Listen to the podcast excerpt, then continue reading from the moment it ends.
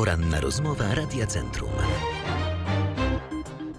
Dzień dobry, przed mikrofonem Igor Skrzypek, a gościem porannej rozmowy jest poseł Jarosław Sachajko, z 15. E, Panie pośle, czy się słyszymy? Słyszymy się bardzo dobrze. Panie pośle, zacznę może e, w ten sposób. E, czuje pan ulgę, ulżyło panu po, no, powiedzmy sobie wprost, rozpadzie koalicji polskiej? Tak, e, dokładnie to powinniśmy powiedzieć o e, przy jakimś takim e, dziwnym, niezgodnym z zasadami wyrzuceniu nas z koalicji polskiej, ale jako człowiek jest mi zwyczajnie przykro, że koledzy z PSL-u nie rozumieją, jak powinno działać demokratyczne obywatelskie ugrupowanie że polityka nie musi być brudna.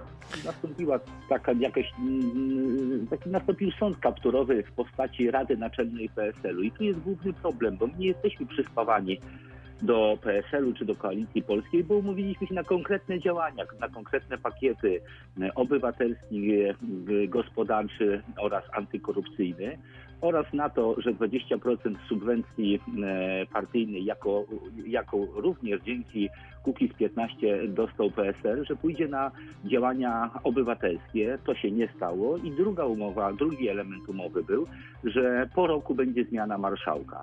E, w, tej, w tym roku miał być marszałek z e, Kukiz 15, w kolejnym z Unii Europejskich Demokratów i na koniec marszałek z E, konserwatystów Marka Biernackiego. Nagle, jeżeli doszło do spełniania tych obietnic, PSL w, podnosi ręce, mówi nic z tego, Rada Naczelna zdecydowała, że was ma nie być. To panie pośle, to w takim razie z waszej perspektywy, co tutaj nie zadziałało, skoro, no, tak jak pan mówi, była pewna umowa i e, z tej umowy wywiązania nie ma?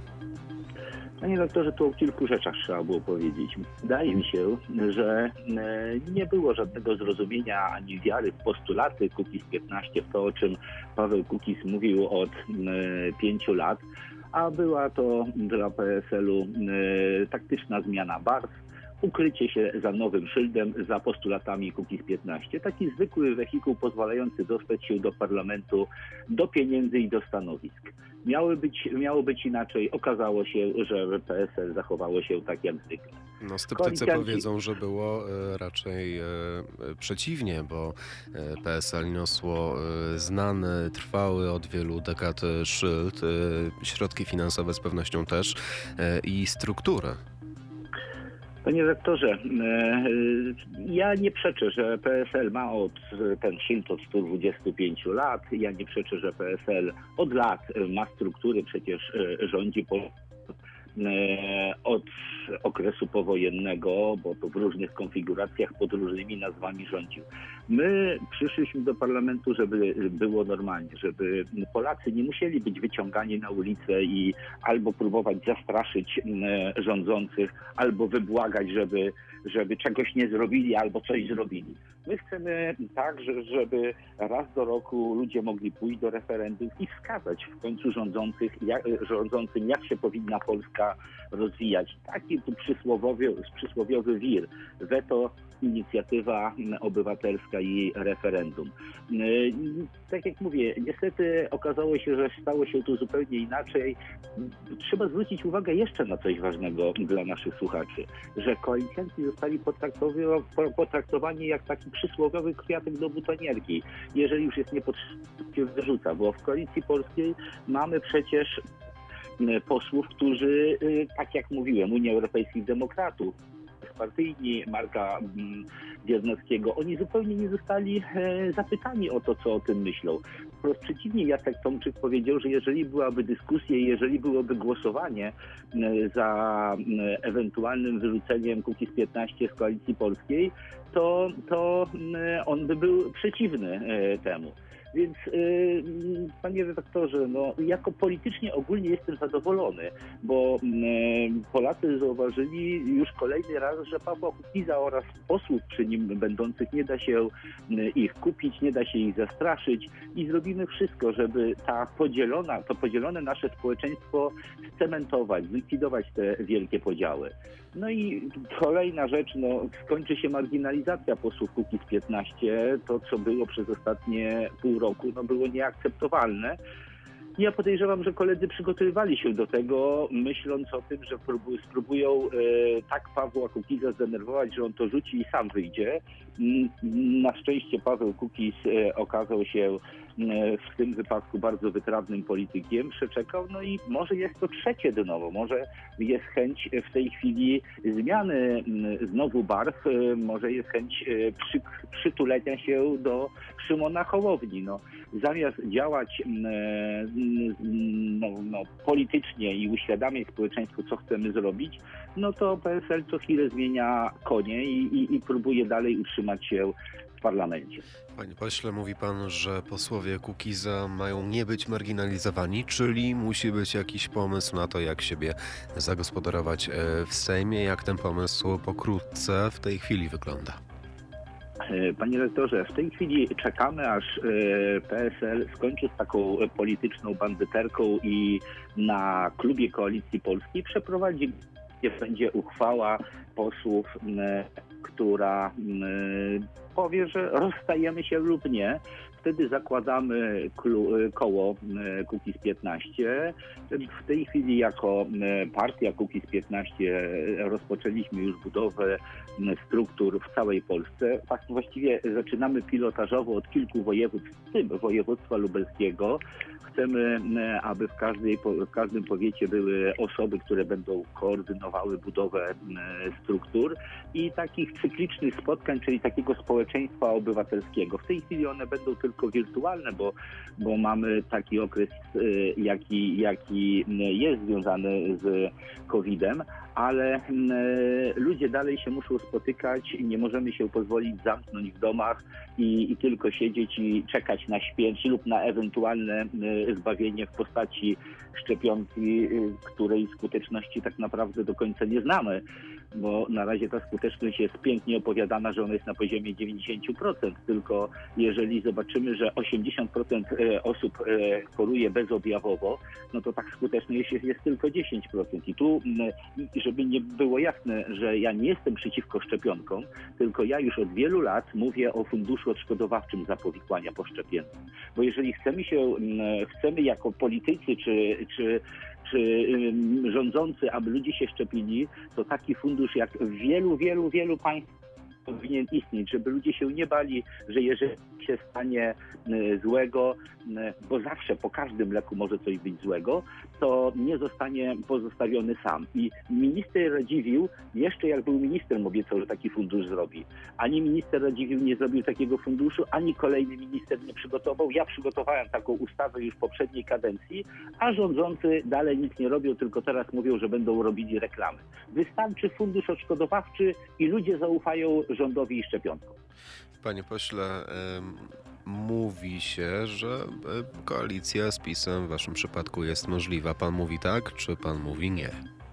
Panie redaktorze, ja już od wielu miesięcy, jak nie lat, e, e, wzywam do tego, żeby inaczej postrzegać politykę.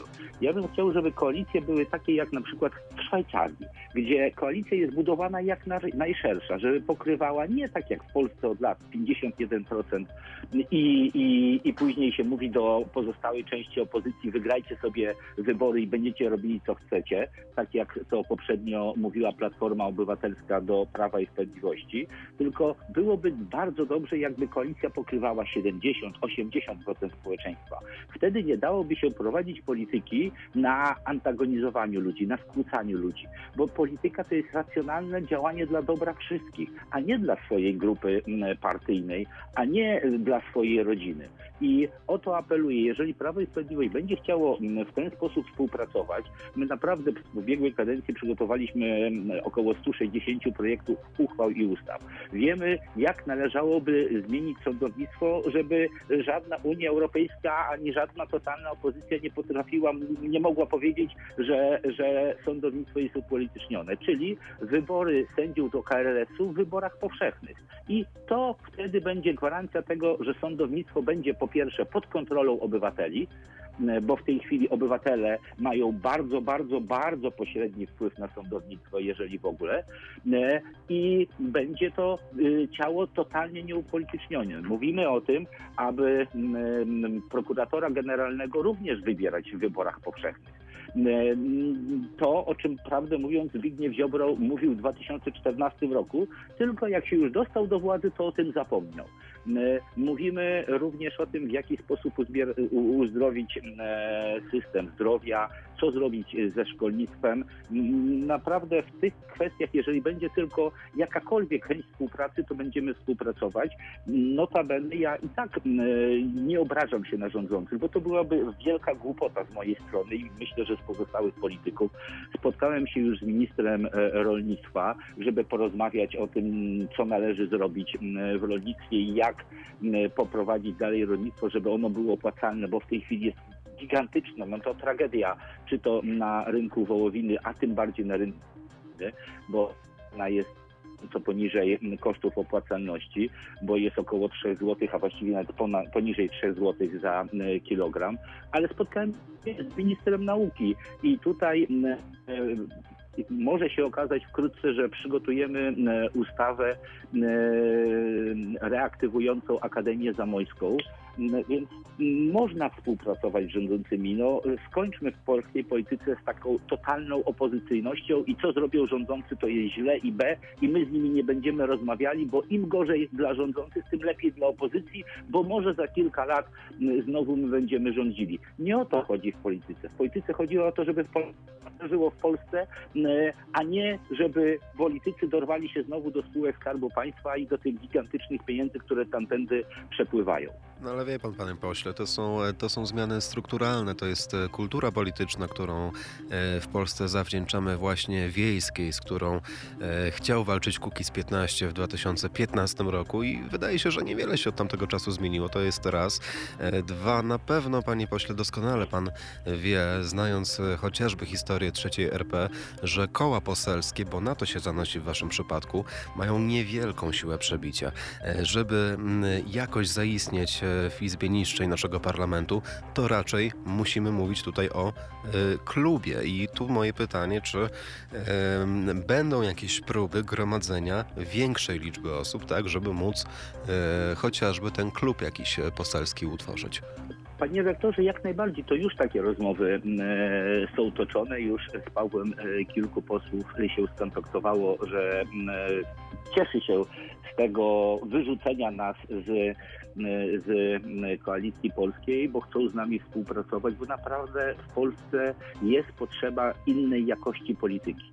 Jeżeli tego nie, nie, nie zmienimy, to dalej Polacy będą wyjeżdżali, wyjeżdżali za granicę, dalej będziemy mieć najwyższą e, inflację i cały czas, jak to już od lat, jak my goniliśmy Japonię, to Irlandię i cały czas kogoś gonimy, tylko nie, nikomu, nikogo nie potrafimy dogonić, a polscy medycy dalej wyjeżdżają za granicę, bo w ubiegłym roku 4 tysiące pielęgniarek skończyło studia, tylko tysiąc e, podjęło pracę, reszta pracuje w innych zawodach lub- wyjechała. Jednocześnie Polska jest największym donatorem, największym eksporterem właśnie kadr medycznych. 23% pielęgniarek m, w krajach OECD to wyjechało właśnie z Polski, to są, e, to są e, Polki. Więc to jest ta tragedia, która nas cały czas dotyka, a m, e, rządzący no, no, no tak średnio, delikatnie powiem, z tym sobie radzą. Panie pośle, czy wśród tych posłów, którzy cieszą się na wasze wyrzucenie z koalicji polskiej, e, znajduje się Jan Krzysztof Ardanowski i Lech Kołakowski? Króciutko na koniec. Króciutko Lech Kołakowski rzeczywiście e, już się e, skontaktował z Pawłem Kukizem. Ja jeszcze jedną na koniec rzecz powiem, że e, te zmiany, które my, te, te zmiana myślenia, którą my wprowadziliśmy już zaczyna działać. Wielu rolników po tej piątce dla zwierząt sami do mnie dzwonią i mówią, że w tej chwili rozumieją, jak, były, jak ważny jest ten postulat jednomandatowych okręgów wyborczych, żeby poseł był odpowiedzialny przed swoimi wyborcami, a nie przed prezesem tej lub innej partii. Więc naprawdę zmiana, zmiany w społeczeństwie polskim następują i to bardzo szybko. To mówił poseł Kukiz 15 Jarosław Sachajko. Panie pośle, bardzo dziękuję za rozmowę. To ja dziękuję, jestem do dyspozycji. E, A ja zapraszam na jutrzejszą poranną rozmowę w imieniu Maćka Sampolskiego. Dziękuję, kłaniam się nisko. Do usłyszenia. Radio Centrum.